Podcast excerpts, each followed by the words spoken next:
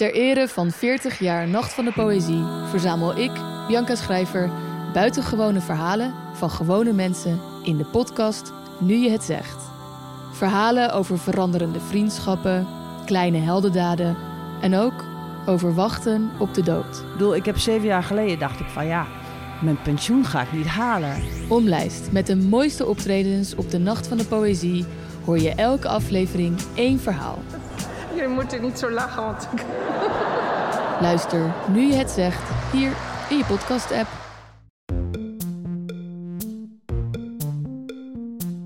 Hallo daar, fijn dat je luistert naar Boeken FM. Heb je een vraag voor ons? Stuur dan een mail naar boekenfm.dasmag.nl. En we zijn ook te vinden op Instagram, boekenfm. Wil je nou nooit meer een aflevering van ons missen?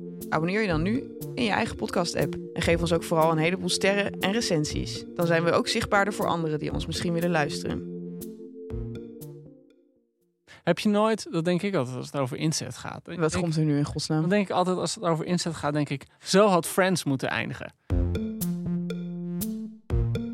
Hallo allemaal en welkom bij Boeken FM, de literaire podcast van Weekblad de Groene Amsterdammer en uitgeverij Das Mag. We zitten zoals altijd in de studio van Dag en Nacht Media. Eh, vandaag met mij onze producer Merel Borst. Welkom Merel. Hi. En eh, ons stamhoofd Joost de Vries. Als je lot.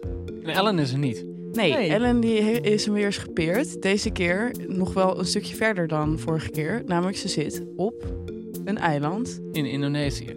We weten niet meer welk We weten eiland. niet meer welk eiland. Sorry Ellen. Java, Bali. Wat heb je nog meer? Sumatra. Sumatra. Ja, Maar ze is daar hele mooie dingen aan het doen, hè? kleine, ze is aan het rekoloniseren of zo.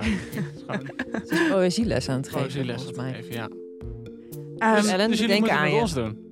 Nee, we denken, we denken aan Ellen, maar intussen eh, denken we ook aan de literatuur, want die rust nooit. Eh, en vandaag gaan we het hebben over de ons te vroeg verlaten auteur Nanne Tepper. Die met zijn debuutroman De Eeuwige Jachtvelden ooit de Anton Wachterprijs won. En van wie tien jaar geleden is dat hij is overleden. Ja. En van wie net bekend is gaan. En dat boek is ook, De Eeuwige Jachtveld, is ook opnieuw uitgegeven bij uitgeverij Pluim. En er is net bekend geworden dat Lodewijk Verduin, een letterkundige die al eerder een heel slim boek schreef over het oeuvre van Jeroen Brouwers, aan de biografie van Nanne Tepper werkt. Ik durf niet te zeggen wanneer het moet verschijnen, want dan krijg je vast meteen paniek dat er haast achter is. Maar Ja, ja, dat het volgend jaar, begin volgend jaar ergens zijn. Ja, ergens in het voorjaar. Ja. Dus we bestel maar alvast bol.com. oké. Eh, nee, en eh, inderdaad, Nanne Tepper is nu tien jaar dood. Eh, ehm, en daarom, en jij was het ook alweer aan het lezen, toch? De Eeuwige Jachtvelden, om die reden. Ik weet niet waarom jij het ook zo weer Ik had weet eigenlijk ook niet helemaal waarom ik het las. Volgens mij omdat ik hoorde dat Lodewijk Verduin die biografie ging schrijven. Ja, dat had ik ook. En het is zo'n zo'n schrijver waarvan je altijd wist dat hij ergens in je bewustzijn zat, ergens in het noorden, net buiten zicht. Waarvan je wist dat er goede boeken werden gemaakt, of dat er boeken waren die sommige mensen geweldig vonden en andere mensen juist weer vreselijk vonden. Ik wilde zeggen van jouw generatie, maar dat is natuurlijk helemaal Nee, niet nee, waar. is Hij komt uit Dat is 1962. een van de vreemde dingen met Nana Tepper. En dat is sowieso met, als mensen redelijk jong lijken te overlijden, dat ze dan eeuwig jong blijven. Maar hij was al 50 toen hij overleed. Al 50, dan ben je toch ook bijna. Ik ben nog lang geen 50. En laten we niet 50 als, als een oude leeftijd noemen. God, shit, waarom reageer ik daar zo serieus op? Man, ik had gewoon een kwinkslag moeten hebben. Maar ik hij was pas nog, 50. na Hij is afloop, een complimentje kreeg dat we je niet met je leeftijd gepest hebben. Nee, dat is waar. Nee, maar is jij, jij zei toch... En jij dan nu wel meteen, meteen mij. Nou, we gaan binnenkort een Lolita-podcast opnemen. dan Nou, kan ik het krijgen ja, ook. het krijgen ook. Nee, ja, maar jij zei al 50. Maar in, in nu, hoe ouder ik word, hoe meer ik besef dat 50 super jong is. Eh, mijn ouders Mooi, zijn, al lang, geen, eh, zijn al lang geen 50 meer. Eh, dus ik vind wel dat hij op zich Mooi hoe je dit even repareert. in de bloei van zijn schrijverscarrière tot val is gekomen. Ten val is gekomen. Ten val is gekomen. En val. En, ehm, en eh, zeven dagen nadat hij doodging, schreef eh, eh, Max Pam het volgende. Dit is wat, hier moeten wij denk ik misschien dit, eh, een antwoord op gaan geven. Als we de kranten moeten geloven, is er een groot schrijver heen gegaan. Maar laten we eerlijk zijn, Nanne Tepper was een mislukte schrijver die al op zijn vijftigste niet meer werd gelezen. Nou, dit weet ik niet of het waar is. Volgens mij is de eeuwige jachtvelden altijd in druk gebleven. Eh, Nou ja, dus toen hij het ook toen hij doodging, was hij, werd hij nog gelezen, leek mij. Nou ja, kijk, er zit natuurlijk iets, iets heel pijnlijks in als je dat schrijverschap van Nana Tepper bekijkt. En dat is ook een beetje de reden waarom hij ook een soort vreemd cultfiguur geworden is. Hij is in 1995 gedebuteerd met de Eeuwige Jachtvelden. En toen had hij volgens mij binnen vijf jaar eh, nog twee grote romans. De avonturen van Heel Billy Veen en De Vaders van de Gedachten. En daarna is er eigenlijk nooit meer echt iets gekomen. Ja. En dat heeft ermee te maken dat hij met, met allerhande depressies worstelde. Het werd Eh, wel steeds aangekondigd, toch? Ze hadden op een gegeven moment een bundeltje van dingen van hem. En dan werd er gezegd van, er en- komt en een grote roman. Dat, dat idee met de eeuwige jachtvelden, daar won hij toen ook meteen de Anton Wachterprijs mee. Dat iedereen dacht van wauw, dit gaat echt zo'n grote schrijver worden. Weet je, hij was een beetje van de generatie van Zwageman. En eh, een hoop anderen die allemaal in Amsterdam zaten. En hij zat dan in Groningen. En dat voelde gewoon aan als een soort van exotische kracht. Ja, Die iets, met iets groots zou komen. En dat, is. Groningen. en dat is natuurlijk nooit gebeurd. Nee, En dus in die zin snap ik dat Max Pam, hoewel het wel echt, moet je voorstellen, eh Nanne Tepper is door zelfdoding om het leven gekomen. Ja, ik vind het echt wel heel hard. en dat je dan een week na zijn zelfmoord de behoefte hebt te schrijven.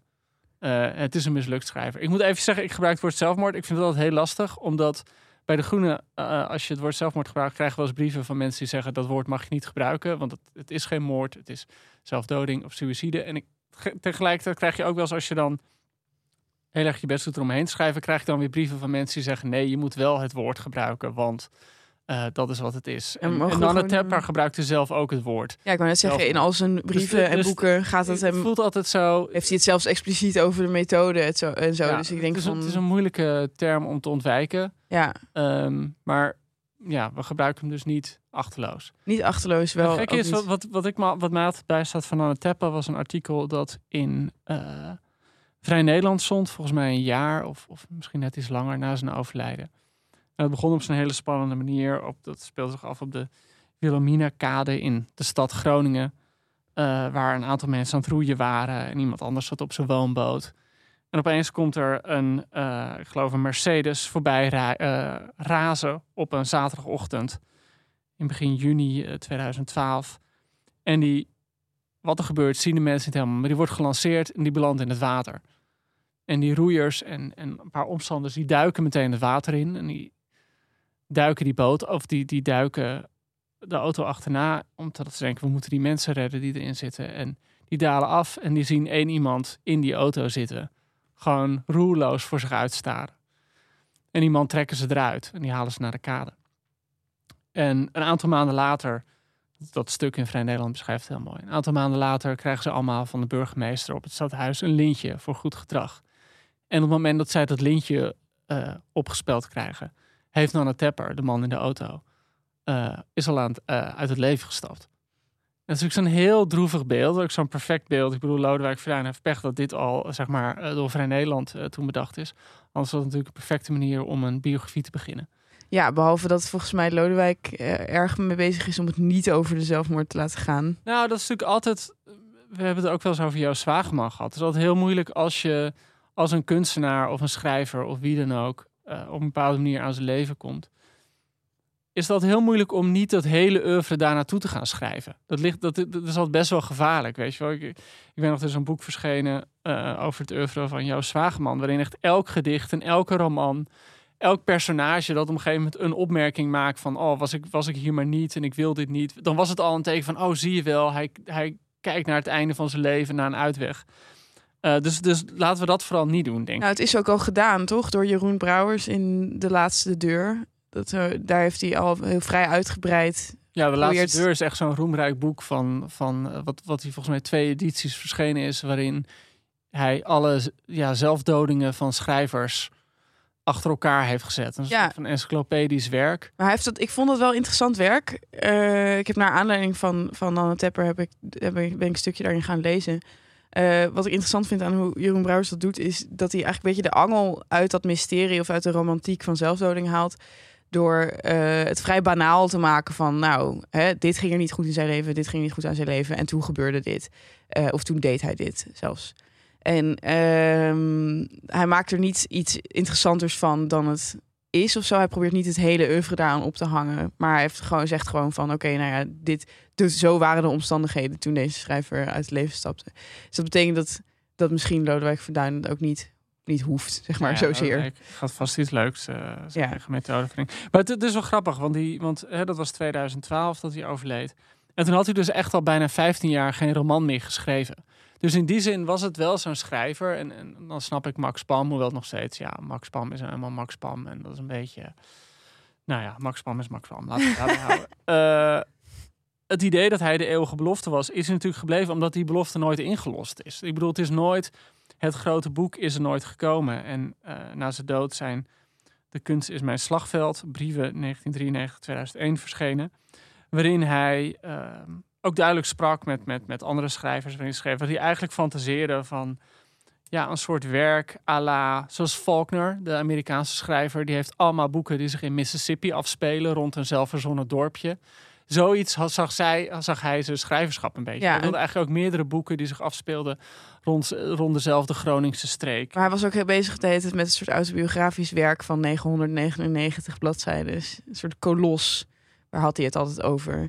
Eh, en hij, dus hij, beweert zelf ook, of de overlevering eh, beweert dat er, dat er ook echt is. Maar dat hij dan een vriend heeft opgedragen om het te begraven ergens in Amerika.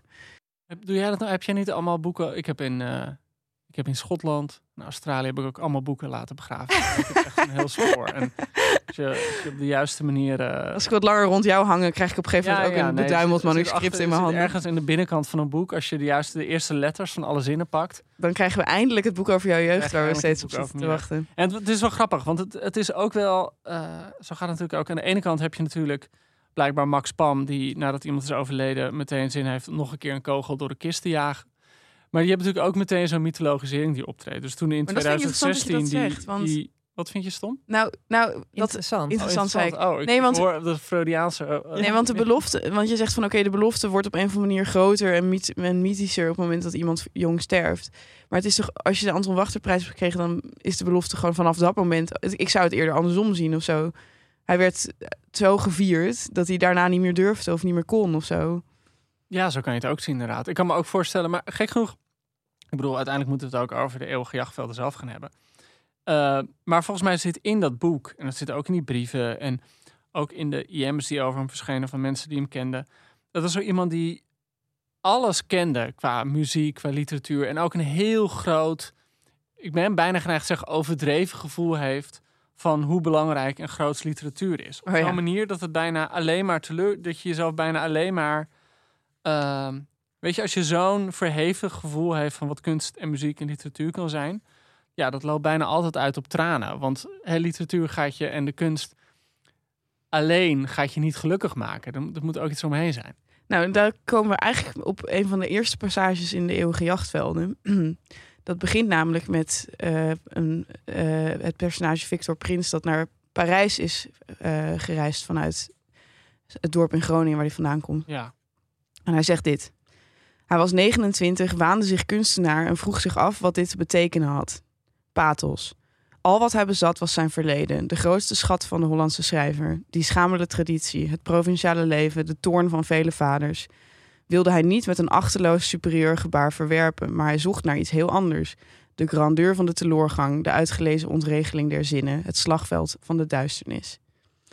Dus, deze Victor Prins is denk ik net als Nanne Tepper op zoek naar een manier om zich te verheffen. Maar komt dan elke keer op, stuit elke keer weer op hetzelfde. Namelijk dat hij niet kan ontsnappen aan het kleindorpse Groningen. ja en, en zijn jeugd. En ik bedoel, eh, het, het gaat eigenlijk over een gezin bestaande uit eh, Victor en dan zijn zus Lisa en zijn nog jongere zusje Anna. Plus vader en moeder. En die vader en moeder zijn een beetje afgedreven. Die zijn in de picture, maar ook niet in de picture. Op een gegeven moment schrijft die, die eh, zus schrijft ook aan hem. Je hebt me aan mijn haren door de trotse boeken gesleept. Je hebt me voorgehouden dat men zijn nest moet haten en liefhebben. De enige kans op ontwikkeling, op zuivering, op evolutie. Ja, ja, op papier. Goed hoor. Stel je voor zeg. Verlossing, meneertje, is ochtends eens lekker schijten. Dat je dat nog eens uit mijn mond mag vernemen, hè? Voor de zoveelste keer. Verlossing, zoals dat in jouw boeken staat geschreven, is een sprookje. Dit leven is voetje voor voetje. En als je mij bij de hand neemt, dan neem ik jou bij de hand. Ik weet het, dat klinkt als een liedje. Dan doen we dit niet en wankelijk gewoon nog wat meer. Dus die Victor heeft heel erg zo'n idee. Die zit gewoon Kerouac te lezen en die zit Mahler te luisteren. En eh, die kijkt naar allemaal films met Al Pacino. En die zit naar Frank Zappa te luisteren en noem maar op. En die heeft dus gewoon een enorm groots romantisch idee van wat het leven zou moeten zijn. Omdat hij dat leven op die manier via alle kunst tot zich krijgt. Maar het neemt maar geen vlucht. Want het enige waar hij aan over kan denken en pijnzen is de jeugd die hij heeft meegemaakt in het fictieve Groningse dorp. Weet het? Oude huizen. Oude, Oude huizen. Huizen. Ja, met een spatie erin. Ik vond dat heel grappig. Eh, daar grappig aan? ja, omdat het oude huizen klinkt nog wel als een bestaande plek. Maar oude spatiehuizen Oh ja. op een of andere manier niet. Ehm, Je hebt in Groningen, Noord-Groningen, wel een, een soort gebiedje en dat heet Kleine Huisjes. Is dat zo? Ja. Wat romantisch. Ja. Ehm, want wat je eigenlijk... Te, je denkt van, oké, er komt een soort Parijse roman aan. Zoals, eh, ja... Ja, want het begint meteen op de eerste bladzijde dat hij dan op Gare aankomt en dan een vriend schrijft. Veen, hè, die vriend. Beste Veen, the boar has landed. het is algemeen bekend dat reizigers als beesten eindigen. Dat de, de gewoonte van Parijzenaars om pruisen met open armen te ontvangen lijkt vooralsnog een mythe. Dit is het laatste dat je verneemt van je Victor. ja, fantastisch. En je denkt van, oké, er komt een jonge man met zoveel bravoure. die schudt het land soort van zich af. zelfvernietigingsdrang. En die gaat zich nu zitten bezatten in Parijs en dan komt daar kunst uit. En in plaats daarvan is hij eigenlijk alleen maar bezig met eh, die beklemmende jeugd die hij heeft meegemaakt. Ehm, eh, die in het teken stond van zijn grote verliefdheid op zijn zusje Lisa. Ja, en, en je zegt nu beklemmende jeugd, maar je kan je ook afvragen of het niet een best wel gelukkige jeugd was. Ik bedoel, het was, hij, hij, Hij was niet gelukkig. Nou, hij was niet gelukkig, maar op een gekke manier is de jeugd die hij beschrijft ook heel geborgen. En, en Ze houden wel van ze elkaar. houden allemaal enorm van elkaar. Ik bedoel, als je kijkt naar vre- vreselijke jeugd in de literatuur, dan komt hij er behoorlijk eh, on, onmishandeld uit. Nee, kilte is niet het probleem, Kilte is het probleem. thuis. Ze zijn juist eigenlijk net iets te veel met elkaar bezig. Ja, want Ehm, dat moeten we, laten we dat maar gewoon zeggen. Dit is een grote incestroman. ja, maar Ja. ik wou hier nog wel even... Oh, sorry, weet- wilde je dit opbouwen? hier? Nee, niet helemaal. Ja, Oh, nee, die incest die ligt, eh, die ligt eh, naakt op tafel hoor. Maar ehm, eh, ik vroeg me wel af of dit een roman is die over incest gaat. Dat is nou, volgens mij niet zo. Ehm, maar laten we even. Merel? Ik zie, ik zie Merel met haar ogen. nou ja, ik vind het wel eh, een goede vraag. Omdat eigenlijk wat ik heel erg had tijdens het lezen ervan, is dat je denkt van, oh ja, nou, nou, wat is hier eigenlijk mis mee? Dit moet toch gewoon kunnen? Dit zijn toch gewoon... En dat je op langzamerhand op een gegeven moment, dat je denkt, oh ja, maar het is wel broer en zus. Oh, maar... Tenminste, dat was mijn ervaring. Weet je wel, dat je niet meteen denkt van ja, dit kan echt niet. En dit, want zo schrijft hij het ook helemaal niet op. Nee, je wordt er heel erg in verleid. En Ja. eigenlijk pas eh, op, wat is het, drie kwart of zo, wordt Mhm. eh, de betovering verbroken. Omdat eigenlijk de twee, eh, de twee verraders, Anna en, en de moeder, het, jongste zusje en de moeder, die zeggen, die zeggen het allebei hardop wat niemand tot dan toe hardop heeft durven zeggen. Ja. Namelijk, wat de fuck zijn jullie aan het doen? Terwijl Anna er op een gekke manier ook een beetje jaloers op is. Ja, zij wilde. Anna is het jongere zusje en die voelt zich gewoon buitengesloten door haar oudere broer en zus. Ja, want hoe dit gaat is eh, ehm, in het, in het eh, eh, extreem kleine dorp waar zij wonen, is eigenlijk nog maar één gezin met kinderen. En dat is de, de, de dokter en zijn vrouw en hun drie kinderen. Familie Prins. De familie Prins. En ehm, ze waren, daar kom je later een beetje achter dat zij ooit een beetje de hoop van het dorp waren, want er waren gewoon geen andere kinderen meer. En dat betekent dus ook dat eh, vooral eh, Victor en Lisa nogal op elkaar gericht zijn in, eh, in hun jeugd. Ook omdat hun vader een soort afwezige dronkenlap is, die eigenlijk vanaf het begin van de dag al teut is. Ja, eigenlijk En- zou hij een soort van de dorpsprominent moeten zijn als arts. Maar in plaats daarvan is- het zijn trouwens, en die, die zoon doet hem daar goed in na, die zijn de hele dag longdrinkglazen in. Zo, ja, het is echt aangelengde boek, Jack ja. Daniels gewoon. Ja. Kannen gaan er Ja. doorheen. Het is Ja. Nou ja, en normaal. ook niet op een feestelijke manier of zo. Op een gegeven moment krijgt een, eh, de eh, 18-jarige Victor krijgt een, een delirium. Ja. Gewoon omdat hij zoveel aan het drinken is. Ehm, maar dat betekent dat, eh, dat Lisa en Victor eigenlijk alleen elkaar hebben. En dan zou je in, denk ik, moderne eh, psychologie zeggen dat er iets, dat er iets verkeerd gaat in hun ontwikkeling. Want dan ze worden eigenlijk heel, heel erg ontzettend verliefd op elkaar.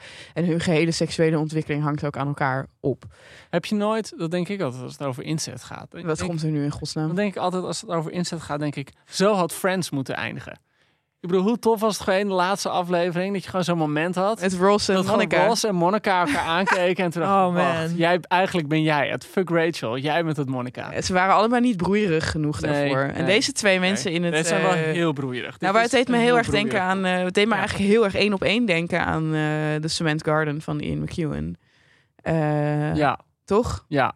Want dat is, Maar dat is nog wat gruwelijker. dat is iets gruwelijker, maar daar is de, ook de afwezigheid van de ouders iets definitiever. Ja. Maar deze mensen hebben zulke afwezige ouders Ja, eigenlijk. die vader is alcoholist en die moeder heeft eigenlijk gewoon een beetje... die is een beetje klaar met dit is een gezin. beetje klaar met... Zij reist de hele tijd weg naar hun Ja, zus, die- in Rotterdam woont. En eh, dat betekent dus dat die kinderen een beetje aan elkaar worden overgelaten.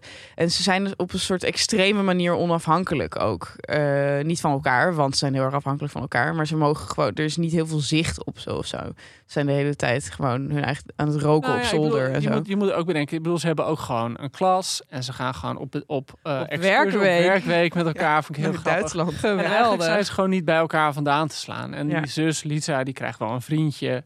Maar uiteindelijk wil ze toch gewoon steeds s'avonds bij hem in bed gaan liggen. En Ja. het gekke is, ze doen wel heel erg hun best om zich er niet aan over te geven. Ik bedoel, ze duwen elkaar de hele tijd weg. En Ja. zegt dat van, oké, je mag alleen slapen. Of ze mag alleen een kus. Ja, En, en nou ja, goed. eh, probeer dat maar eens uit te stellen, blijkbaar. ja nou ja, dat, ze krijgen het voor elkaar om het vrij lang uit te stellen. Namelijk tot hij eh, al studeert in de stad. Ja, Nou, Groningen. Ja, Wat eigenlijk alleen maar wordt aangeduid met stad. Wat ik ook Ja. wel leuk vind. Eh, eh, en, en tot zij hem eigenlijk smeekt om, om haar te ontmaagden. En ze hebben ook, dat, dat is ook, dat denk ik een van de eerste dingen die je zal opvallen als je dit boek leest. Dat is gewoon de stijl. En de stijl is op een bepaalde manier wordt het ook heel erg gedreven door de dialogen die erin zitten. Want zeker die Victor en zus Lisa praten alleen maar, je moet soms heel goed opletten waar ze het nou over hebben. Ja.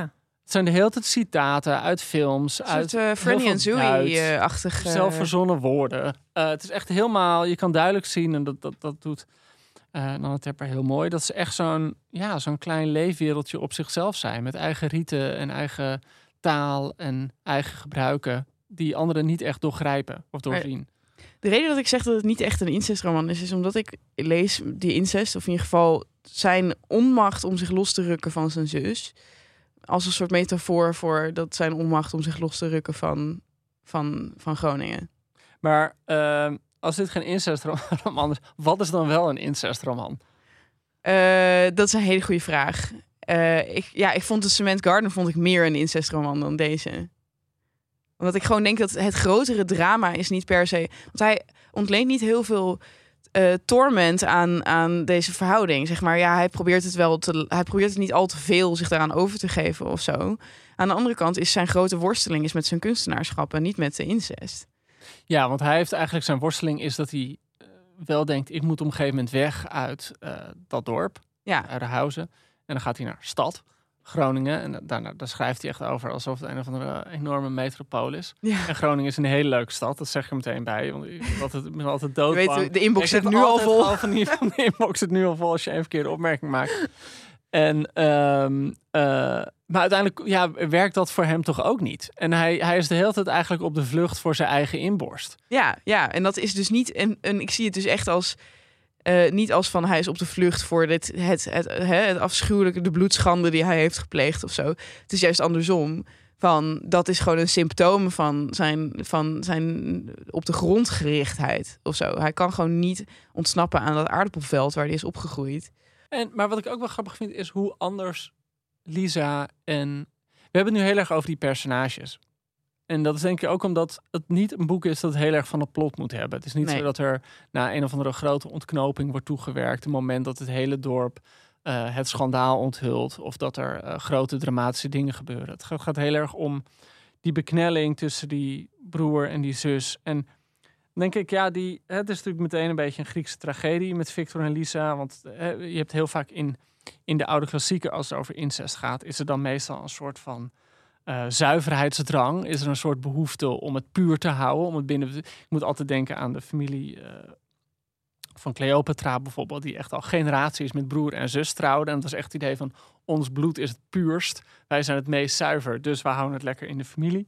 Um, ja, de Ptolemei hadden zo hun eigen maniertjes. En um, aan de ene kant is bijvoorbeeld, uh, ja, die, die Victor die vecht daartegen in zijn hoofd en die voelt zich er slecht over. En het is eigenlijk die Lisa die er meer actief werk van maakt.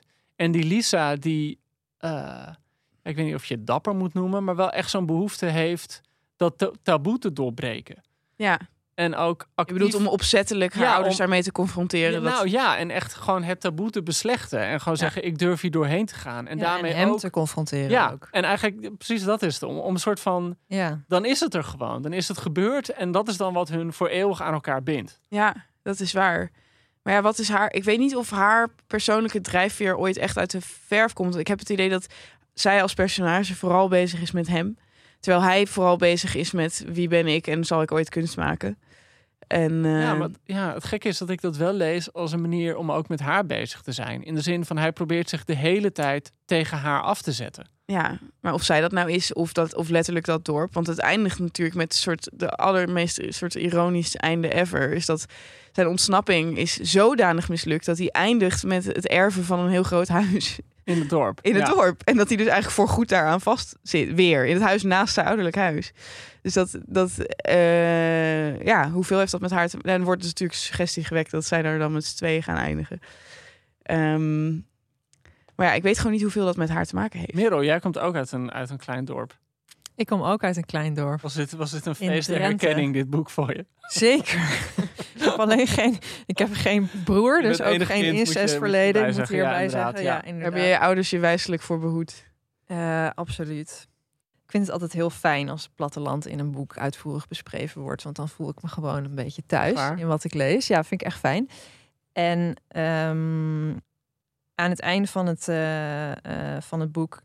Het is wel grappig, want er zitten dus heel veel verschillende soorten teksten in. Dat hadden we nog niet helemaal beschreven, maar het begint... verschillende. Eh, ja, met eh, verschillende soorten teksten in de zin van het verhaal over Victor. En het, is, het bestaat uit vier verschillende boeken. Ja. Het verhaal van Victor en van Lisa eigenlijk. En dan krijg je dus een verhaal dat Victor geschreven heeft voor Lisa voor haar 16e verjaardag.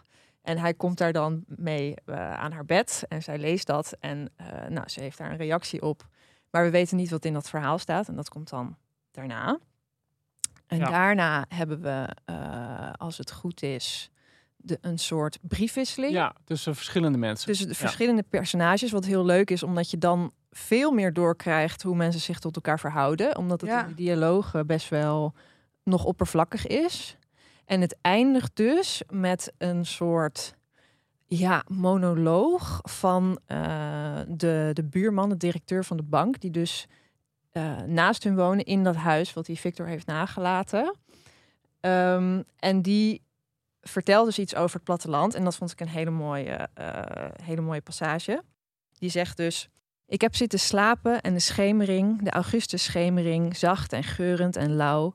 Ik ruik wat, eindelijk ruik ik het land. De geur hangt in de keuken, ik kan de avond ruiken. De schemerende avonden van augustus, als de sloten anders gaan ruiken, als de zon gaat geuren naar water, als de geur van loofbrandjes de avond naar verte laat ruiken, naar eindeloos land, als de geur van coniferen over het dorp valt, als de katten van oude huizen janken in de tuinen, als de honden van de boerderijen huilen omdat de avond valt, als de jongens op hun brommers langskomen van andere dorpen, op weg naar andere dorpen. Hm. Als je weet dat je een heel jaar moet wachten op weer een zomer, als je weet dat het land in modder zal veranderen, zwart, nat, kil en oud, als het geruis van de snelwegen het geluid van de avond wordt, als de meeuwen terugkomen van het wat en zich op de vuilnisbelten storten.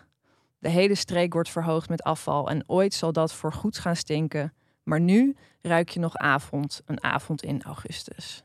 En dat vond ik zo vet, omdat het me dan helemaal een soort van terughaalt naar, eh, nou ja, minus het wat dan, want ik ben opgegroeid in Drenthe, eh, naar die zomeravonden. Dus dat vond ik heel treffend beschreven. Ja. Is dit, is dit een streekroman? Ja, ik vraag me altijd af wat een streekroman nou precies is. Want het beeld dat ik ervan heb is dat het eh, altijd van die archetypes heeft. Zoals inderdaad dan een dokter en, en, eh, en weet ik veel. Ja, maar dat is er nu toch ook, toch? Die Ja. vader is de dokter. Ja, maar die zijn allemaal... Die zijn niet... buurman is de notabele. Weet je, in een streekroman is er altijd een notabele. En dat is dan de notaris of de advocaat of de burgemeester van het dorp. Ja, precies. En je hebt een klein familiedrama en al die dingen. Maar Er eh, wordt gepraat in dialect.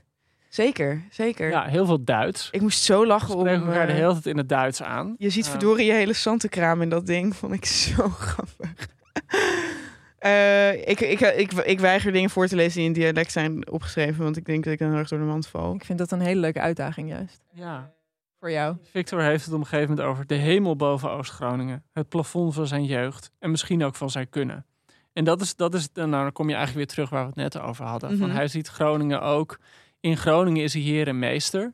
Hij kent alles en hij weet alles. En hij is duidelijk de meest belezen persoon. En de meest cultureel onderlegde persoon in de wijde, wijde omtrek. En de belofte van oude en de huizen belofte ook. van oude huizen, dat zit er van de meet af aan in. Hè? Dat, dat eigenlijk moet hij het allemaal doen. Hij was, de, hij was het kleinkind van het hele dorp toen hij werd geboren. Ja, en het moeilijke is natuurlijk dat hij eigenlijk dat niet helemaal durft te testen. Of dat hij eigenlijk natuurlijk bang is voor... Ik bedoel, als er zo'n belofte op je... En gek genoeg kom je dan ook weer een beetje bij Nanne Tepper uit misschien.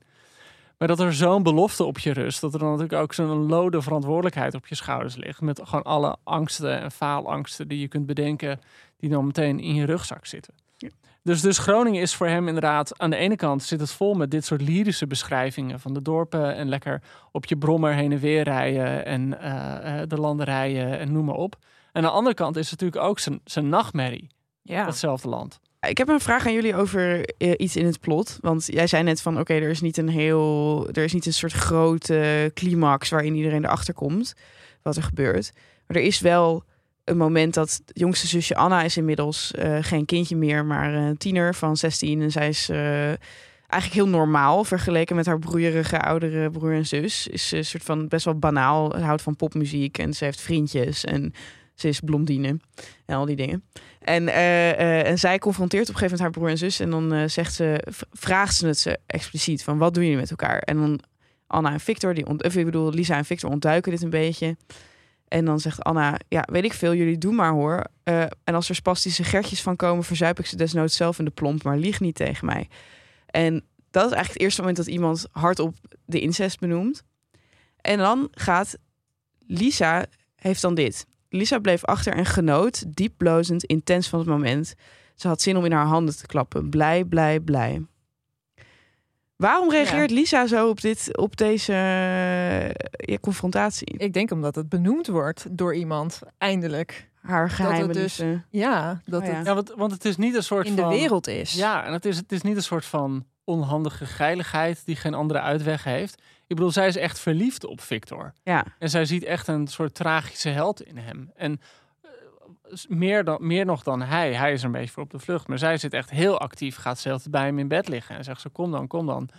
En dus voor haar voelt het misschien... Ja, volgens ik denk dat voor haar het feit dat het publiekelijk gezien wordt... of publiekelijk in ieder geval door de zusje... dat het gewoon zo helemaal bevestigd is. Dus dat, dat is inderdaad merkwaardig, eh, merkwaardig iets. Want, want bij elke andere incestromans zou je deel te denken dat het draait om het geheim houden hiervan. Ja, Eh, Cement maar- Garden eindigt daar ook heel Ja, erg op- mee van. Er gaan sirenes. en Ja, dan- ja en, en dat verwacht je hier ook de hele tijd. Van elk moment kan gewoon eh, de kinderpolitie binnenvallen. Maar wat ook wel grappig is, is dat eigenlijk niemand in deze roman van alle personages zich dit eigenlijk afkeurt. Dus ze zitten er in die end. Dus ze zitten er zelf, of nou ja, althans Lisa zit er vooral mee van hoe, het, eh, hoe mensen erop reageren. En Victor denk ik ook wel. Maar uiteindelijk eh, is er niemand die zegt, oh dit is fout, jullie moeten hiermee stoppen. Wel, Ja, Toch? alleen, nee, ja, Anna die is vooral boos dat het haar niet wordt verteld. Maar Ja. dat was natuurlijk vanaf kinds af aan altijd het soort van het syndroom van de jongste, toch? Van waarom word ik niet betrokken? En waarom wil niemand mij vertellen wat er speelt? Ik ben heus wel groot genoeg om het te begrijpen, hoor. Dus dat is ook inderdaad niet dat ze incest per se afkeurt. Ehm, en dat, wat jij helemaal in het begin zei, zit daar ook wel inderdaad heel erg in. Van, als lezer zit je daar ook ben je het er ook helemaal mee eens of zo dat het niet zo raar, dat het helemaal niet zo raar is. En dat deed mij beseffen dat je daar in je dagelijks leven gewoon zo weinig mee wordt geconfronteerd. Zeg maar, je kent meestal niet iemand die, althans, ik ken niemand die, eh, die openlijk incestueuze verhouding heeft. Waarschijnlijk zeggen ze, zeggen ze het ook niet. Nee. Vermoed ik. Ik zei openlijk. ik, ja. Eh, dus je, je bent eigenlijk hoeft, hoeft nooit eh, geconfronteerd te worden met je eigen gedachten hierover Ja. of zo. En op het moment dat je daar dan weer wordt geconfronteerd, denk je eigenlijk alleen maar van ja, ik begrijp het wel of zo. Het gekke is dat altijd als ik in romans tegenkom, denk ik prima. Ja, Ja, ik heb nog nooit dat ik dacht van u. ja. Nee, je denkt altijd gewoon van oké, ja, Ja. het zal wel. Hey, grappig Eh, is dat. Ja, Nee, ik vond het echt opvallend dat mensen dus niet echt een oordeel hebben. Dat de directeur ook aan het einde, als hij die monoloog heeft en eigenlijk een soort van al nog niet dood is, maar wel dood is. Ja, dus als een ja. geest nog een beetje zo In de Bardo. Ja, hij is in de Bardo. eh, ja, in de Bardo is. Dat hij het dus ook beschrijft als vreemd, maar prachtig mooi. Ja. ja, maar het gekke is... Mignon. dat, dat, dat is toch ook het typische van... Als je een roman laat zich afspelen in een klein, ver afgelegen, verzonnen dorpje... in een plek waar het merendeel van de lezers niet elke dag voorbij komen... dan krijgt alles zo'n exotische gloed. Ja. En dan kunnen dit soort dingen er ook veel beter in gebeuren. Op een bepaalde manier past zoiets als dit past veel meer in een eh, roman die zich afspeelt ergens op een verzonnen platteland. Ja. Dan als het zich zou afspelen in een eh, roman die zich gewoon hier in de pijp afspeelt. Ja, maar dat is toch wel best, best wel een soort cliché van, van dit soort romans die zich in een afgelegen eh, dorp afspelen. Ja, maar misschien Dat zich daar allerlei vuiligheden afspelen. Ja, die maar wij misschien ook omdat een afgelegen en dat er weinig andere mensen zijn. Ik. Maar dat is dit- ook het thema van zo'n Marieke Lucas Rijneveld of zo. Ja, maar het zit ook gewoon in eh 100 jaar eenzaamheid van Garcia Marquez. Oh ja. Weet je wel, gewoon een dorpje in de jungle. Ja, Maar is dat niet een is dat niet iets wat wij dan hebben geromantiseerd aan het dorpsbestaan of zo? Of is dat echt zo? Ik weet het niet. Ik ben nooit in een dorp opgegroeid. ja. Wat was de vraag? ja, ik weet het ook niet meer. Nou, de vraag was gewoon romantisch. Nee, dat hele idee dat er een soort van eh, onzichtbare gruwelijkheden krioelen achter de deuren van die, eh, van die, van die keten en de, en de schuren in het dorp. Ja. Dat dat een soort fantasie is van de stadsmens. Maar ja, aan de andere kant wordt dit, dit soort romans vaak door mensen geschreven die uit een dorp komen. ja, en de setting leent zich er denk ik gewoon beter voor, omdat die leegte er is. Ja, En Ja, dat, daarom spelen zoveel thrillers zich ook Ja. altijd af in kleine dorpjes. Omdat de mensen daar op elkaar aangewezen zijn. En op een gekke manier, omdat het zo afgelegen is, kunnen de, de slachtoffers in zo'n boek of film nergens naartoe. oh ja. Want dit is gewoon wat het is. Dit zijn de drie Iedereen mensen er met, ook- die, ja, je- dit- met ja, wie je dit kunt praten hierover. Dus ja. het cliché of, of ehm, ja, het, het, het genre dwingt bepaalde wetmatigheden af. Ik heb nog een vraag over ehm, Victor als potentieel kunstenaar of schrijver. Wat eh Tepper er zelf over zegt is... Victor heeft inspiratie, maar geen talent. En heeft dat niet in de smiezen. Een gruwelijk lot, een eerste aanzet tot waanzin. Nou, je zou hier met niet al te veel moeite... een opmerking over zichzelf in kunnen lezen. Eh, maar eh, ja, wat denken jullie? Als je dit boek zo leest, denk je dan van... oké, Victor gaat het nog maken als, als eh, schrijver? Nee, denk ik niet. Denk jij dat wel, Merel? nee. Ook omdat hij zo drinkt. Weet je wel, je denkt Oh, wow. eerder, hij de hele tijd die longdrinkglazen jenever, dat je echt denkt, ja, hij gaat gewoon net als zijn vader eindigen. Ja, Natuurlijk gaat hij geen groot. soort half Natuurlijk mens. gaat hij niet eh, Baudelaire in Parijs worden, wat hij, wat hij wel denkt. Nee, hij gaat gewoon op de bank zitten en zichzelf week in, week uit drinken tot hij omvalt. En zijn alter ego Hilly Veen, Hille Veen, Ja, Ja, Haley Bailey Veen. ja, die in een later boek Hilly Billy Veen heet, inderdaad. Ja, Ehm, dat is wel grappig, hè? Want Veen die is, is dus bezig met zijn roman, eh, De avonturen van Hilly Billy Veen. En dat is dus... het eh, boek dat hij hierna schreef. Ja, ja, en, ja. Dat, en dat begint dan weer met een soort brief. Aan, het, is een soort, het is een soort raamvertelling, toch? Met van, oh, wij vonden dit manuscript in eh, de hotelkamer die Hille Veen heeft achtergelaten. En wordt ook niet duidelijk waar die heen is. Nou, men vermoedt het ergste. Ehm, ja omdat het dan had dan weer te maken met Yvonne en dat hele eh, concert, denk ik, toch? ja, maar goed, dit is wel een zijspoor. Ja. Maar er, zijn, er, zijn, eh, er, er is een soort verdubbeling van het personage Victor. ja, Maar hij, heeft, hij kent zijn, hij heeft, hij meets his match in Hilleveen. Ja. Hilleveen is ook de enige die daar, die ook naar de, de hand van, eh, van zijn zus denkt. Of die haar nog weet te schaken ook, geloof ik. Mhm. En toen dacht ik van, ja, dan... Ik dacht ergens dat het zou gaan eindigen met dat Hilleveen het wel als schrijver maakt, zeg maar. Dat, ja. het, eh, dat hij dan ook nog, dat Victor dan ook nog op dat gebied zou verliezen of zo. Maar ja, dat die vraag wordt nooit beantwoord. Over vragen gesproken. Oh ja. Eh, vragen. Er schijnen vragen te zijn. Dat klopt. Misschien wel leuk om in het kader van het schrijverschap van eh Haley Billy Veen en eh, Victor het te hebben over deze brief die we kregen. En die gaat als volgt. Dag Boeken FM. Ik kan een week teren op een succesvolle dag schrijven. Ik kan dezelfde dag nog aangereden worden, beboet worden of met verse sokken in een plas water stappen. Dan nog zou mijn dag goed zijn. Maar ik merk vaak dat als ik ga zitten om te schrijven, mijn gedachten elkaar overrompelen, er allerlei conflicterende gevoelens door mijn lijf schieten en ik in een soort paniek al gauw vlucht door online afleiding te zoeken. Uiteindelijk komt er dan vrij weinig op papier. Ik besefte me onlangs, ik heb heel vaak geen fucking flauw idee wat ik precies probeer te zeggen. Er zijn zoveel dingen die ik wil zeggen, dat er uiteindelijk kortsluiting ontstaat en ik niets meer weet te zeggen. Aangezien jullie allemaal schrijven, Joost en Ellen al wat langer, al kunnen Charlotte's inzichten juist daarom nog verser zijn. Herkennen jullie dit? vers. Nog verser Ongelooflijk. ja. Jij ligt echt bij de versafdeling van de Albert Heijn. Herkennen jullie dit? Zo ja, hoe gaan jullie daarmee om? Wat zouden jullie beginnende schrijvers adviseren? En uiteraard werkt het proces van schrijven zelfverhelderend, maar er is vast meer over deze ervaring te zeggen dan alleen je moet doorzetten, toch? Passen jullie een soort proces van eliminatie toe? Stellen jullie jezelf bepaalde vragen? Ik ben benieuwd naar jullie antwoorden. Met vriendelijke groet, Willem. Ik denk dat ik deze vraag mm, richting jou ga Nou ja, het moeilijke met schrijven is natuurlijk wel, of, of een moeilijke, dat, dat is helemaal niet moeilijk, dat is eigenlijk wel het leuke eraan, is dat als ik, ah, of ik nou een verhaal werk of een roman of een essay of een artikel voor De Groene, eh, ik weet nooit wat ik ga schrijven. Ik bedoel, je weet pas wat je wil schrijven op het moment dat je aan het schrijven bent. Ik heb het heel erg als je bijvoorbeeld een boekbespreking doet of een essay. Vaak weet je pas wat je vindt op het moment dat je het gaat opschrijven. En ik merk ook dat het soms bijna afstotend werkt. Als ik van tevoren precies weet wat ik wil gaan schrijven, dan heb ik meestal er gewoon geen zin meer in.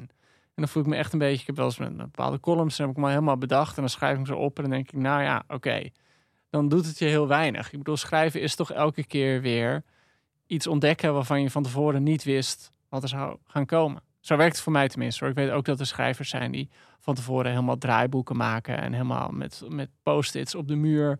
Precies, dit, dit hoofdstuk is dit, dit hoofdstuk is dat, dan gebeurt er dit. Ik bedoel, zo werkt het voor mij gewoon niet. En dat, dat is bijna flauwend op die manier. eh, ik weet niet, het, het, het, het zou het, voor mij zou het het avontuurlijke eraf halen. Maar levert het jou niet zoals dan deze Willem ook, de, ook weerzin op? Dat als je gaat zitten en je hebt nog geen plan, dat, dat je dan denkt, oh jee, ik weet gewoon niet waar ik je moet gewoon één zin weten. Weet je wel, je moet gewoon, als je aan een verhaal werkt, ja, je moet, je moet oké, iemand gaat, de telefoon gaat, weet je wel, de- de- iemand loopt de deur uit. Ik bedoel, je moet één ding weten dat, ja, het gewoon zo bazaal is het. Je moet één ding weten dat er gebeurt. Het liefst, het fijnste is altijd als je twee dingen weet en dat daar daartussenin dan nog drie dingen zitten en die drie dingen weet je niet. Maar je weet wel dat er op een gegeven moment een vijfde ding is die je wel al weet. Dus je hebt vijf stappen en dat is het lekkers. Dan ga je echt zo'n puzzel leggen voor jezelf, eh, waarbij je zelf de tussenstappen gaat bedenken. Dat, dat werkt het fijnst. Dat is echt wel heel goed advies eigenlijk. en, Goede oefening. en dan soms merk je ook wel dat je dan dat, dat het tweede ding dat je weet uiteindelijk helemaal niet behaalt. Dat je daar uiteindelijk helemaal niet terechtkomt. Dat je gewoon ergens anders terechtkomt. En dat, dat is dan ook vaak heel tof. En ja, goed. eh, Ik heb ook wel... voor sommige schrijvers werkt het anders. Maar je komt gewoon heel vaak niet uit waar je van tevoren bedacht. En ik bedoel, dat, en het fijne is, ik heb door de jaren heen heel veel schrijvers geïnterviewd en heel veel schrijvers gesproken. En heel veel mensen zeggen dit ook. Dat je nooit helemaal, je weet gewoon niet wat er gaat gebeuren. En het loopt altijd anders dan je denkt. En de truc is wel dat je, dat je jezelf op een gegeven moment richting bepaalde kanten duwt. Om, ja, als je elke week weer opnieuw begint, dan eh, komt dat boek er nooit. Er is wel een beetje natuurlijk... Qua temperamentverschillen zijn er zoveel temperamenten als er schrijvers zijn, toch? Ik heb het idee dat als er een schaal van getergdheid ongeveer van Joost de Vries naar Nanne Tepper loopt, mooie schaal, ja. eh, hangt het wel heel erg van af waar op die schaal je zit. Of het je heel veel pijn doet om, om, te, moeten schrij- om te schrijven of niet. Dus daar is, kan, er is eigenlijk geen advies tegen op te gewassen. ja. Ja, ik heb nooit zoveel geduld voor mensen die zeggen van, oh, schrijven, het is lijden. Nou ja, dat is zo. Nanne Tepper was wel heel erg zo iemand. Eh, dat ik denk, ja, dat bedoel, dan moet je gewoon, weet je wel, ga dan in de zorg werken. Daar hebben mensen hier meer nodig. ik bedoel, het, het, is wel, eh, ja, het, het, het is- Zo werkt het voor jou niet. nee, zo werkt het voor mij niet. En ik denk ook dat, dat ehm, ik geloof niet dat altijd uit pijn de diepste kunst komt. Op, op, op die manier. Ik bedoel, het is ook, eh, het- wat ik heel erg heb, je neemt iets waar je zelf mee bezighoudt. Ik bedoel, alles wat ik maak heeft een obsessie die gewoon in mij zit. En dan schrijf je, ik schrijf op een gekke manier dan van me af. En dan ga je gewoon ergens anders naartoe. verder met je leven. Nee, maar vind verder wel- met leven. nou, ik, vind even- wel, ik, ik, ik snap wel trouwens wat Willem helemaal zegt hoor. Dat, je, dat als je dan een dag lekker hebt zitten schrijven, dat je daar de hele week op kan teren. En dat het, het werkt ook heel aanstekelijk. Dat als je eenmaal lekker zit te schrijven, dan ga je ook meer lekker schrijven. Zoals als je wanneer je slecht zit te schrijven, je ook nog slechter gaat schrijven. Wat En- doe je dan als het niet lukt? Ja, iets anders. Eh, ik bedoel, het is gewoon een beetje als een voetbalwedstrijd. Je bent niet elke dag even goed in vorm. En Nee. eh, de ene dag denk je scherper dan de andere dag. En wat dat betreft werkt het, ik bedoel, eh, zeker als je aan een roman werkt, dat is natuurlijk gewoon een lange afstandswedstrijd. Dus soms leg je het weg en dan een week, la of een week later pak je het weer op. En dan denk je, Jezus Christus. Het is grappig dat jij met zo zodra je over sport gaat praten. goed. Of dat het gewoon zo ontzettend slecht is. En eh, ik bedoel, het merendeel van schrijven is dat je gewoon eindeloos aan het herschrijven bent wat je al geschreven hebt. En dan komt er steeds weer iets bij en je ontdekt steeds weer iets nieuws. En opeens denk je, ja, maar dit personage hoort eigenlijk dit te doen. En gaat het er ook om dat je eigenlijk zoveel mogelijk schrijft? Of Ja, kijk, het hard schrijven keer het wereldkampioenschap schrijven win je op ervaring. Dat is denk ik niet zo. Maar ik, het helpt wel als je sommige scènes... Ik bedoel, als, als, als je van mij een verhaal leest of een boek... dan heb ik wel echt elk hoofdstuk vier keer opnieuw geschreven. En gewoon Ja. opnieuw geprobeerd. En het is nooit... eh, het kan ook aan mij liggen hoor, maar het is nooit in één keer goed. Dus wat dat betreft, dat, dat je gefrustreerd bent, Willem... dat hoor je ook te zijn. ja, Dus dat moet je ook een beetje omarmen en, en koesteren. voelt ook beter denk ik als je daarna dan blij bent met je eindproduct. Ben je zo'n worst. Nou ja, wat, wat, wat- wat je, als je echt mazzel hebt, dan heb je op een gegeven moment zo'n verhaal. En dan heb je het gevoel dat er gewoon geen zin nog anders kan. Ja. Dat voelt het fijnst. Dan heb je echt het idee van, oké, nu klopt het. Oké Willem, ik hoop dat je hier wat aan had. Dan hebben we nog een vraag van Carla. En zij vraagt, beste Boeken FM. Ik heb een week kerstvakantie opgenomen en ben nu naarstig op zoek naar een fijn boek om dan te lezen. Hebben jullie tips? Dan bedoel ik dus zo'n boek dat je ongeveer in één week uit kunt lezen en waar- waarmee je even helemaal een andere wereld induikt. Nou, ik zat hier dus ook over na te denken en ik heb zelf nooit iets gelezen van Joël Dicker. Maar daar had ik heel erg zin in. En nu is er is die Franse eh, bestsellerschrijver. ja, dat met echt zo de- iemand die altijd van die beetje thrillerachtige boeken die zich in Canada Detective. Zo, ja. dingen. Nou, ik hou heel erg van detectives. Ehm, dus, maar goed, ik weet nog niet of het goed is, dus dat zou ik dan niet per se aanraden. Ik heb laatst voor het eerst In Cold Blood gelezen van Truman Oh, Capote. Dat vond ik echt heel erg vet. En dat is ook wel echt een, een hele lekker eh, Amerikaans platteland waar je dan zo eh, Ja, dat grimmige over- setting, over de moord, op een gezin ergens Ja. in Kansas of zo. En dan- Ja. ja. Ja, en je volgt dan eigenlijk de twee mensen die het hebben gedaan en eigenlijk totale sukkels zijn. En nou ja, daar kom je meer over te weten. Het is, gaat het allemaal lezen, zou ik zeggen. Dat als, als het gaat om je onderdompelen in een andere wereld, kan ik ehm, het, op zijn minst het eerste deel aanraden van eh, de Cazalet Chronicles van Elizabeth Jane Howard. Zij eh, heeft gewoon eh, zo'n reeks familieromans geschreven die zich afspelen in een soort nadagen van Victoriaans Engeland. Ehm, in zo'n landhuis met allemaal persoonlijke dramaatjes. Dat is ook echt wel heerlijk. Ja, ik weet niet of je het van Downton Abbey houdt of zo. Dan, dan is dit wel heel erg leuk. Ja, ik wilde het ligt in het vergelijk in, in, in het verlengde daarvan. Maar echt zo'n wereld waar je lekker in onderdompelt. Ik zat bijvoorbeeld aan Brightside Revisited te denken. Oh ja, ja. Dat is zo'n heerlijk boek, omdat het gewoon zo gaat over zo'n jongen die dan bij een soort van jongen uit een beetje een eenzame familie, die dan bij zo'n hele grote aristocratische familie terechtkomt en helemaal in dat leven opgaat. En helemaal zo'n zo'n wereld die voorbij gaat. En, en hij maakt nog net dat staartje van dat aristocratische Engeland eh, mee. Een heel romantisch boek. Heel melanch- op een fijne, aanstekelijke manier melancholisch. Dark Academia. Ja, eh, dus kan, en wat, wat je ook nog zou kunnen bedenken, een beetje een soort gelijk. Als je van iets warmere orde houdt, zou je bijvoorbeeld De Tuin van de Fitzi Continis kunnen lezen. Oh, van ja. Giorgio Bassani, ook een heerlijk boek. Gaat over zo'n, speelt zich Ja. af net eind jaren 30, net het begin van de Tweede Wereldoorlog, als de Joden in Ferrara eh, in Italië ehm, niet meer overal naartoe mogen, niet meer naar de sportclubs mogen. En dan heb je de adellijke familie Fitzi Contini, eh, die dan tegen de andere Joden zegt: Kom maar bij ons tennissen, want zij hebben een heel groot landgoed. En dan gaat het over zo'n jongen die dan bij die familie terechtkomt en bevriend raakt met de zoon en verliefd wordt op de dochter. En gewoon helemaal dat als buitenstaander die wereld inkomt. Het is echt een heerlijk melancholisch boek ook. heerlijk voor de kerstdagen, denk ik. En een verborgen geschiedenis natuurlijk. Dat is ook echt een perfect Ja, maar voor mijn gevoel hebben we die al zo vaak gedaan. Ja, weet ik. Als je het nog niet geluisterd hebt, luister onze aflevering over eh, de verborgen geschiedenis van Donna Tart. Ja, wel een goede Niet voor de kerstvakantie. Ja, Als je nog steeds niet gelezen hebt. ultieme, Ja. ultieme voor de Ult- kerstvakantie. Ja, Ja. oké. Hey, zullen we eh een Nanne Tepper fancasten? Of de Eeuwige Jachtvelden fa- fancasten? Ja, ik zat, er, ik zat te kijken naar Nanne Tepper zelf. Ja. En ik dacht echt, wie, waar lijkt hij ook weer op? Mogen we wel eventjes zeggen, dit boek. Ik bedoel, Oh. eh, Het ik is zo lelijk Pluim uitgegeven. een super fijne uitgeverij. Maar waarom het boek op zo'n ongelooflijk lelijke manier uitgeven? Ja, dat snap ik ook niet. Er staat een soort portret Nou, op. op de foto die eruit ziet alsof ze haar haar zelf geknipt heeft. en, en die foto is een soort van bewerkt dat hij oud lijkt. Ik heb dus een, eh, een, een versie uit 98. Oh. En dat heeft dus eigenlijk nog steeds hetzelfde omslag, maar dan een soort heel lelijk gefotoshopt eh schilderijlijstje eromheen. Ja. Dus op zich zou het wel wat moderner kunnen. Het Ja. is echt, echt afschuwelijk uitgegeven. Ja, Sorry. Ja, jongens. Het kost maar Sorry, 15 uitgever euro en het boek eh, kan je zeker lezen, maar de, de omslag is... ehm ja, die, oké, ja, die kun maar je wat wil je omvouwen. zeggen? Je zat er aan het tepper te denken. Nee, ik keek naar hem en ik dacht, misschien weten jullie dit, maar ik vind hem heel erg lijken op iemand, maar ik weet gewoon niet wie. Oh, ik weet het nu wel, Pepijn Lane. Wauw, dat is echt mooi, mooi hoe snel eh, je hersenen werken. Eh, ja, een beetje dat vettige lange haar. Ja, maar ook die indringende ogen. Ja, die ziet er wel echt uit als... Ja, die zou je ook als, als soort van heks kunnen casten. dat is echt een heel lang uitgerekt gezicht. Dat nee, dit is wel echt wel een stuk knapper, vind ik, inderdaad. Eh, Nanne. Maar wie? Victor, Lisa, Anna, vader, moeder, prins. Ja, dan moet je Voor inderdaad... Victor, ja, moet je dan iemand hebben... Ja, ik dacht natuurlijk Matthijs van Nieuwkerk. Was de persoon die ik dacht. Hij is 29. Een duistere man. een man met een duistere kant. Of, of gewoon snollebollekes. Die man ziet er ook uit als zo iemand die... Dat is de minst duistere man op aarde.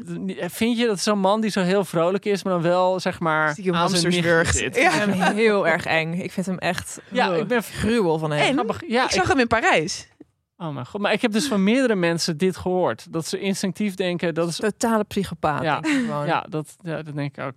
Ehm, wie ik ook nog zat te denken, want je zat te denken, ik, je je zoekt dan toch iemand die een beetje wel iets goedaardigs heeft, maar toch ook weer niet.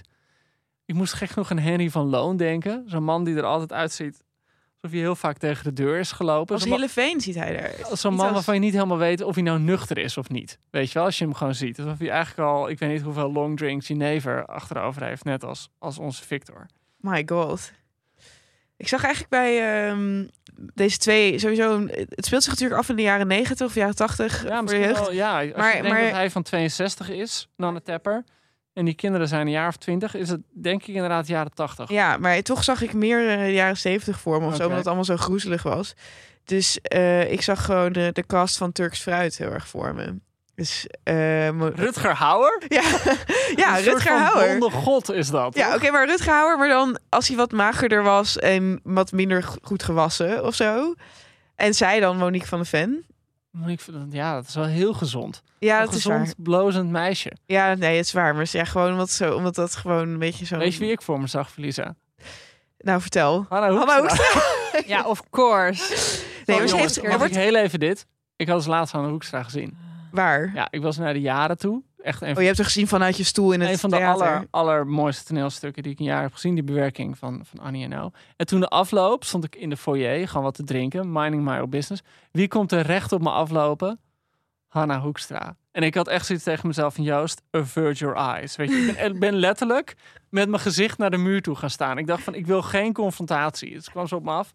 Het was gewoon alsof ik recht in de zon keek. Ik dacht van, dit- ja, dit kan ik gewoon niet aan. Dit kan ik niet aan. Ja, maar dat is niet het type. Dat is echt absoluut niet. Ik zie dan eigenlijk wel gewoon eh, Charlotte Gainsbourg voor me. Want zij Ja, speelde ook in ja. de filming van Oh, Cement Garden. Ja. Ja. Eh, en, zij was, en zij is een beetje op een jongensachtige manier. Ja. eh, heeft ze zo'n zo'n gezicht met sterke wenkbrauwen en dat soort dingen. Ja, een beetje, een beetje skinny legend. Ja, ook een beetje zeker een skinny legend, inderdaad. En Anna ziet er natuurlijk echt heel anders uit. Anna is een soort, ja, een beetje een dellerige blondine. Dus ik zag daar Elle Fanning heel erg voor me. Als Oh. ik haal er even, haar er even bij. Zo'n hele blonde actrice. Ik heb heel veel gevoelens over Elle Fanning, maar die zijn niet voor deze podcast. Hoe Oh, oud is zij? Joost. Mag dat? Ehm, ja, ja, ja, maar eh, ik, had, ik had gek nog vrouwtje in gedachten. Ik dacht Vrouwtje. Stien. Stien. Nee, Nou, Stien dacht ik. vrouwtje omdat die zo vrolijk is. Zo van, eh, ik ga met de trein, la la la. Die reclame. Wat? Oh, In wat ja. voor reclame speelt er zit toch gewoon zo'n NS-reclame. Echt waar? Ja. Wat een sell-out. Ja, want sell-out. Ja. We hebben vrouwtje en Stina al een keer gecast. Althans, ik heb ze gecast in The Great Gatsby. Oh ja, en toen wist ik niet wie ze waren. Was Ja, dat vond zo? ik heel erg, ja. van- Maar toen later besefte ik dat ik wel wist wie ze waren. En ehm, nu zie ik haar hier voor me. Gewoon Ja. als, als bij de duisternis van Victor en Lisa... hoor daar een soort van zonnestraal tegenover te staan. Ja, daar heb je wel gelijk. Ja. Zeg vrouwtje. En we moeten natuurlijk voor die vader moeten we echt zo'n ja, oude met een karakterkop gewoon echt. Louis van Gaal. Of eh, eh, ja, gewoon Pierre Bokma of zo. Gewoon. Pierre Bokma, ja. Die, eh, ja, die ziet er ook wel zo uit, toch? Alsof hij zich in een dorp aan het een dooddrinken jenever- is. Ja, inderdaad. Dat doet hij ook vast. Ja, dan hebben we de centrale Oké. kast wel een Oké, beetje gehad. ja, dat, dat is hem ongeveer. Ik wil het nog even hebben over. ehm Eén ding wat ik me net afvroeg toen ik dat stuk, toen ik het hoofdstuk van Jeroen Brouwers aan het lezen was. Over dat idee dat, want hij vergelijkt dan ook ehm Nanne Tepper heel erg met David Foster Wallace, die vier jaar eerder eh, uit het leven stapte en ook had en ook een soort van worstelde met zijn laatste werk en dat soort dingen. Ehm, dat idee dat wij hebben soms dat als je heel geniaal bent, dat je dan lijdt onder de zwaarte van je eigen brein. En dat je daar dan ongelukkig van wordt. En dat daarom een heleboel hele goede schrijvers zelfmoordneigingen hebben. Is dat waar? Of is het gewoon zo dat dat de enige mensen zijn die in enig detail beschrijven hoe het is om depressief te zijn? En dat we daarom een soort van geniaal schrijverschap zijn gaan associëren met dit soort duisterheid. Hoe noem je dat? Duisternis. En dat er een heleboel andere mensen zijn die ook dat zo'n. Je weet wel, dat het dus niet per se is dat je dan geniaal bent en om, en om zo'n gevoelsleven te moeten hebben. Ja, ingewikkelde vraag. Ik ben natuurlijk geen psycholoog, maar... eh, Niet? Nee, ja, nog. Er zijn een hoop dingen die ik kan. Het kwam Eh, gewoon ineens op mij over dat het niet helemaal waar is. Nee, maar het is denk ik een misvatting om te denken dat... eh, ik weet dat Maarten van Buren een keer zo'n boek schreef... waar toen ook heel veel mensen boos over waren. Kikker ging, gaat fietsen, dat geloof ik. Heel veel, omdat hij eigenlijk het deed voorkomen alsof depressie voortkwam uit een enorme intelligentie. Zo Ja. Ik zie de wereld hoe het echt is en daarom ben ik depressief. En dat is natuurlijk een beetje gemeen om het zo te zeggen. Want er zijn ook heel veel me- mensen Ja, die geen verheven. hoogleraar zijn en eh, wel doodongelukkig. wel doodongelukkig. Eh, dus, dus volgens mij is dat een beetje een, een gekke manier om het daartoe terug te brengen. En ik denk dat het wel klopt wat je zegt. Ik bedoel, de meeste mensen, hè, er zijn iets van 2000 zelfdodingen per jaar in Nederland. Dat zijn niet allemaal schrijvers. Nee. Eh, ik bedoel, dat is, dat is volgens mij een dwarsdoorsnede van de samenleving. Dus ik denk niet dat het per se aan beroep, beroep is. Ik denk wel da- daarentegen dat er veel schrijvers zijn die het een interessant thema vinden. En Ja. het graag ook een beetje opzoeken in hun werk. En, en ehm, ja, het, het, het is natuurlijk gewoon een zwaar thema. Waar, ja, dat, dat trekt bepaalde schrijvers aan, denk ik. Het is niet zo dat, dat kunstenaars gekweldere geesten zijn dan andere mensen. Nee, Denk ik denk ik. dat veel, veel kunstenaars dat wel denken van zichzelf. En, en eh, ik weet nog, Marina Abramovic een keer ze zei van ja, maar ik hou meer. Mijn liefde is groter dan van gewone mensen. Dat ik echt denk, Wat je hebt geen idee. Oh my Je god. hebt geen idee. Weet je wel, je, je, je, je ziet mensen achter kassa zitten, rijinstructies. Je hebt geen idee hoe, hoe groot een liefde is. Die dat is zo makkelijk om dat over mensen te zeggen. Dus ja, ik bedoel, ik ben altijd, maar dat, dat zit misschien ook in hoe ik over schrijven praat. Ik, ik kan gewoon niet tegen die mythologisering van schrijvers en kunstenaars alsof het verheven mensen zijn aan de rest van de mensen. Ja, ja. En daar zit toch een beetje onze fascinatie met de zelfdodingen van schrijvers. Berust toch een beetje op deze misconceptie, denk ik.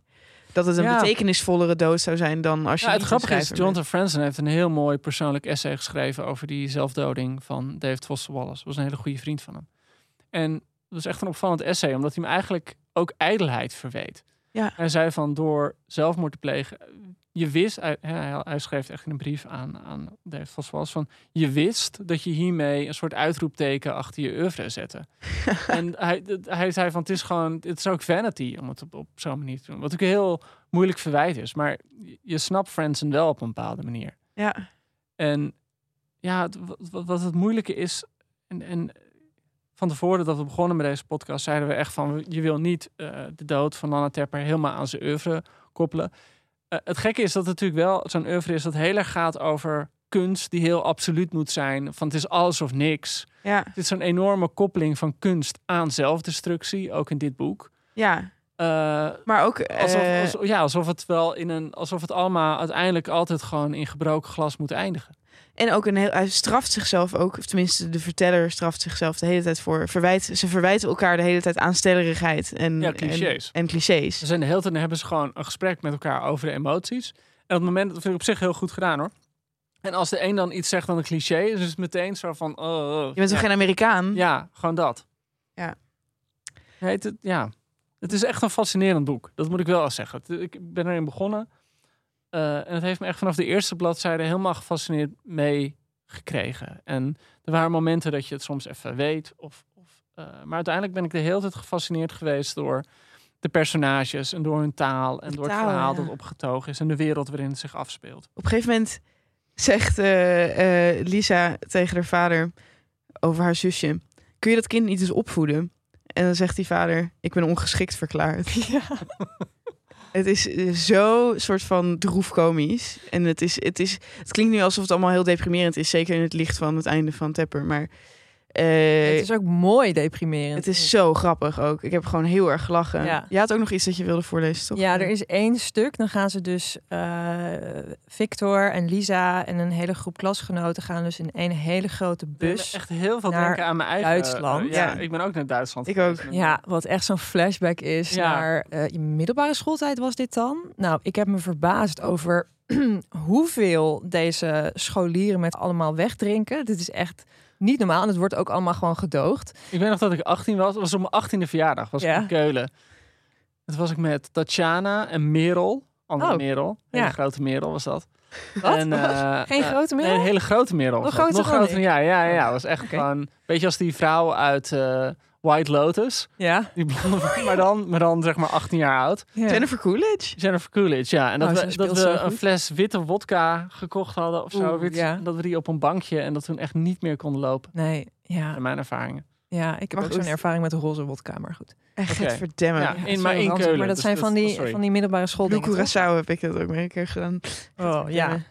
Nou, en dan ehm, gebeurt er dus, ze zijn op, eh, op werkweek en ze doen allemaal dingen. En eh, er zijn ook twee totaal incapabele eh, docenten Duits mee.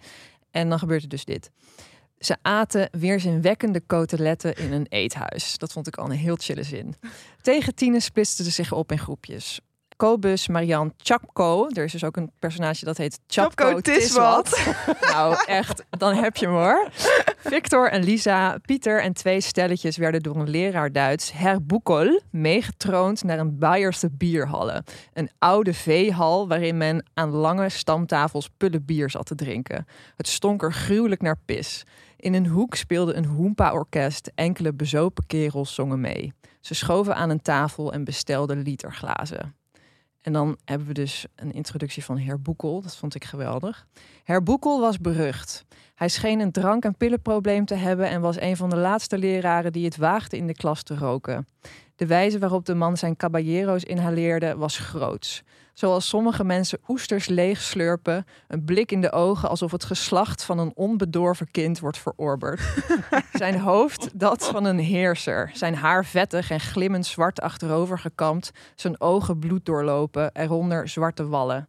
Hij droeg een glanzende zwarte snor, een naakte slak die zijn gezicht leek over te steken. Ze kregen die avond achtereenvolgens het gevoel dat hij met hen, het tuig van de school, heulde. Met hen meeleefde, met hen jong wilde zijn en tenslotte hun bestaan betreurde uit mededogen met wat hij aanzag voor hun leed of lot. Het opgroeien voor galg en rat. Ja, Nou. Zo Geweldig. Ja. Zo, zo goed geschreven. zit op die school ook iemand die heet Helmoet Berger. En die noemen ze allemaal van kwaad tot erger. op een bepaalde manier. Ja, Eh, ja. ja. ik denk dat we zijn aangekomen bij onze beoordeling. Ik, ehm, ja, ik, misschien even eerst eh, naar jou, Merel. Oh, oké. Ehm, nou, wat ik net heb voorgelezen, die sfeer en die stijl, en eh, daar geniet ik van. Dat vind ik geweldig. De dialogen vond ik ook heel erg goed geschreven. Ook omdat je vaak zoiets hebt, dat zei Joost ook al van... Er gebeurt nu iets tussen die twee, en maar ik begrijp het niet helemaal. Maar ze hebben echt een, een eigen manier om eh, van met elkaar praten. En dat vond ik zo goed gedaan door hem. Ik had wel dat ik echt heel veel vragen nog heb. Ja. over wat er wordt gezegd. Of bijvoorbeeld dat ehm, Victor zo'n tik heeft van dat hij dan door zijn haar strijkt. En dat Lisa daar dus helemaal boos om wordt. Elke keer. Dat ze hem soort van slaat of weer een soort van... En ik snap gewoon niet Oh, dit is een waarom dat enigskindopmerking. Dit is gewoon echt als je je Gewoon broer de hele tijd hetzelfde het ziet is. doen, Ja, dan denk je echt van, ik wil echt even in je gezicht trappen. Oh, dus gewoon die tik van hem. Kan Ja, gewoon van, ik kan hier niet dag in dag uit aan dezelfde eettafel jou dit, dit stomme gebaar zien maken. Oké, nou dan is Maar volgens dus- mij ook omdat ze het dan fake vindt. Omdat ze het een beetje doet. Hij doet het volgens mij een beetje alsof hij een filmster is. Ja, ja. ze ik vindt het geaffecteerd. Het heeft het vast te maken met ijdelheid of zo. Ehm, ja, en ik denk dat het ook wel iets is om nog een keer te herlezen. Eh, soms is het ook echt best wel dat je denkt... oh, dit gaat opeens heel diep. Een soort van filosofische passages in het begin ook ertussendoor. Ehm ik geef het een 9. Nice. Ja. Ehm, Oost-Groningen, de Veenkoloniën, de moddervelden, de chilling fields. Oh yeah. Eh, ik zat er heel goed. Ik, ja, dat was echt een boek wat ik zei. En, en meer, meer kan je eigenlijk niet van een boek vragen. Namelijk dat je er van begin tot eind in zit. En dat je je afvraagt hoe die personages in elkaar zitten. Ehm, ik heb nu in de groene van deze week heb ik een stuk, heb ik een briefwisseling met Arthur Eaton. Dat is een psychoanalist. En daar hebben we het heel erg uitgebreid over eh, trauma. En eigenlijk over ehm, hoe trauma een soort geheid plotinstrument is geworden in fictie Hmm. een heel mooi stuk in de New Yorker een tijdje terug over, waarin die term werd gemunt, de trauma plot. Dat op een of andere manier bij heel veel fictie erop terugkomt dat er altijd een soort van trauma in iemands jeugd zit. En Een daar wordt, centraal ding. d- daar wordt alles aan teruggekoppeld. En wat ik zo mooi in dit boek vind, is dat dat het dus niet doet. Het heeft niet de behoefte van om aan die personages uit te leggen, dit is er gebeurd, dus daarom zijn ze zo. Dit heeft zich in hun gezin afgespeeld, dus daarom is het zo. En het gevolg is dat, dat je daardoor inderdaad, wat Merel ook al had, je de hele tijd aan het afvragen bent hoe zitten die personages nou in elkaar? En, en hoe het permanente aantrekken en afstoten tussen broer en zus, de hele tijd gekke dingen waar ze die ze dan heel ontroerend van elkaar vinden. En andere gekke dingen die ze dan opeens heel afstotend vinden, Ja. eh, daar krijg je gewoon geen grip op. En toch, om het, om het even zo te zeggen, je voelt het wel. En ik vind ook die bijpersonages, eh, dat zusje vooral en ook die vader, die gewoon eigenlijk dat, dat hele gezin eh, en die spanning en die claustrofobie en dat Groningse platteland ja, heel mooi bij elkaar brengt. En eh, dus het was echt een boek dat ik van A tot Z met grote, eh, ja, toenemende interesse heb gelezen. En dan ook nog eens een hele uitzonderlijke stijl. Mij deed het boek soms een beetje denken aan, hoe heet het, Val is als vliegen? Van Ja, Manon Uphoff. Uphoff, Omdat, ja. Dat is een ander soort incestboek. Maar ook, het gaat me meer om de stijl. Dat zo vol met bepaalde metaforen is. Een bepaalde, een eigen taal en culturele verwijzingen. Zo'n lange, lange monoloog die ik nu geef. Maar daar komt het op neer dat ik het toch ook wel gewoon een 9 geef. Yeah. Dit is geen opvoeden, constateerde hun moeder. Dit is raaskallen. Eh, ik vond het ook fantastisch. Ik hou heel erg van familieromans. En zeker als het... eh, als elk van de familieleden, hoe veel of weinig ze ook aan het woord zijn... echt volledig geloofwaardig uit de verf komt. Ehm, ik vond dat specifieke taaltje dat ze daar hebben ontwikkeld... eh, vond ik ook fantastisch. Je bedoelt het Gronings dialect? of? Nee, nee, nee. Gewoon dat, dat, dat, dat, ja, dat gekke taaltje daar. Nee, eh, gewoon wat zij onderling, die soort van halve zinnen die ze tijd tegen elkaar aangooien. Ja. Ehm, ehm, en het is toch ook, om, ondanks dat je dat eigenlijk niet kunt zeggen over dan zo'n incestverhouding, is het toch een grote liefdesroman of zo. Het gaat echt over een verliefdheid en Mhm. over hoe die twee eh, samen opgroeien en steeds dichter naar elkaar toe groeien. Uiteindelijk beseffen dat ze eigenlijk alleen elkaar hebben. Ehm, je wordt toch met ze verliefd of zo, ook al zijn het twee afstotelijke mensen. Ja, je hoopt dat ze, ze elkaar krijgen. Ja, je hoopt dat ze elkaar Ja. krijgen. En dat is tegen al je eigen wensen in of zo.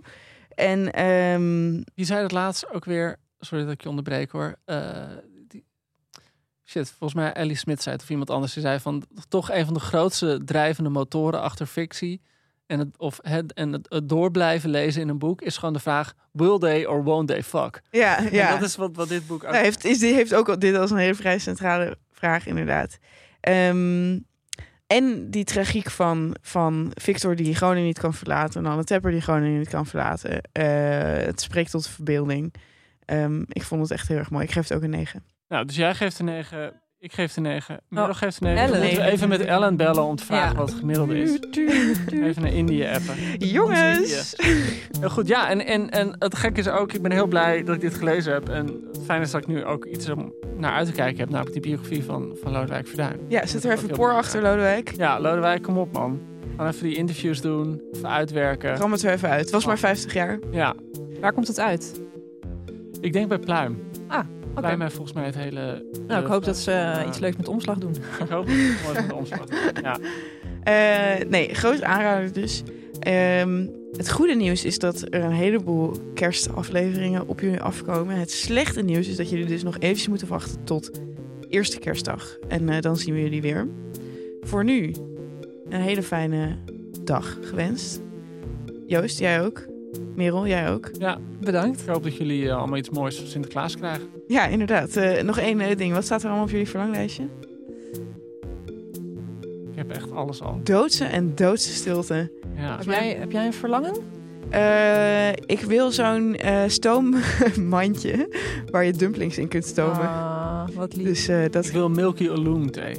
Oeh, ja, dat is lekker. Oh, maar jij gaat dit weekend naar. eh, Ja, maar dat ga jij kopen in Londen. In Londen. Ja, maar nou, nou klinkt het wel alsof ik het cadeau voor mezelf ga kopen. Wat een beetje verdrietig klinkt. Nou, vind ik helemaal niet. Nee. Ik heb Embrace yourself. We moeten Ja, ook niet ja, eens treat jouw yourself. eh, Treat yourself. Treat locatie yourself. weggeven. Ik heb het idee dat we echt een soort eh, John Lennon-incident aan het uitlokken zijn.